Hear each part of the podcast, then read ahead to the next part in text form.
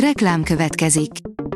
A műsort a Vodafone Podcast Pioneers sokszínű tartalmakat népszerűsítő programja támogatta, ami azért jó, mert ezzel hozzájárulnak ahhoz, hogy a felelős üzleti magatartásról szóló gondolatok, példák minél többekhez eljussanak.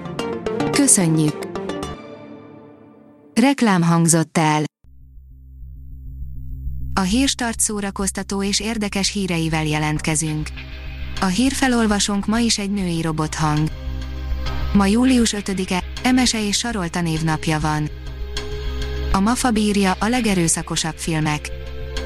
Erőszak, vér, kegyetlenkedés sokan talán azt gondolnák, hogy ezek a jelzők kizárólag a horrorok és az akciófilmek műfaját jellemzik. A gyűrött Robert De Niro és a sima képű Mel Gibson is szórakoztat vasárnap a tévében, írja a port és ráadásul még a Mici Mackó eredet történetét is megtudhatjuk, ugyanis leadják a viszlát Christopher Robint is. A korlátok inspirálóan hatnak, interjú Cigler Balázsjal, írja a színház.org. Cigler Balázs díszletei sokszor hatnak a meglepetés erejével, a tervező arról beszélt, hogy szerinte milyen a jó díszlet, hogyan sűrült egyetlen két méteres lámpává az egy német sors színpadképe, mitől válik metaforikus térré a Heisenberg padja, és mikor tud elengedni egy előadást. A koncert.hu oldalon olvasható, hogy a Wanted Remember és a Beastie Boys a Vantid magazin idén lenne 25 éves, ez alkalomból a volt szerkesztőségi tagok több eseményt is terveznek, ennek első ünnepi etapja, hogy a lap néhány egykori szerzője podcast sorozatot indított. A Blick írja, már több mint fél éve nem állt színpadon Soltész Rezső, most kész a visszatérésre.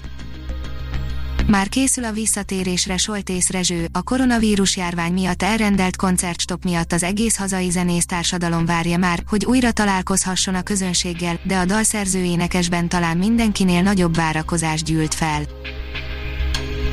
Hamupipőke DJ-nek áll, a herceg meg egy énekes az új Netflix filmben, írja a sorok között. A hamupipőke sztori örök klasszikus, időnként mindig újabb feldolgozások érkeznek, aminek kifejezetten örülök, mert jópofák ezek az adaptációk és kizökkentik az embert a hétköznapokból. Mike Flanagan azt ígéri, hogy a következő Stephen King adaptációja könyörtelenül sötét lesz, írja az IGN. A Bilincsben és az Álomdoktor rendezője nem pihen, a Bilincsben és az Álomdoktor után Mike Flanagan tovább folytatja a Stephen King történetek adaptálását. Az Origo oldalon olvasható, hogy filmbemutatóval készültek a Volt Fesztivál szervezői.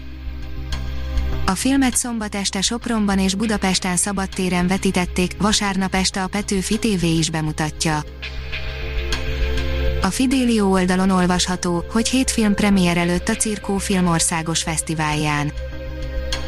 A Vissza a moziba című július 17 és 19 között rendezett fesztivállal arra emlékeztetnek, hogy filmet nagy vásznon, közösségi élményként érdemes nézni. A programhoz a főváros 6 mozia mellett 16 vidéki város filmszínháza csatlakozik.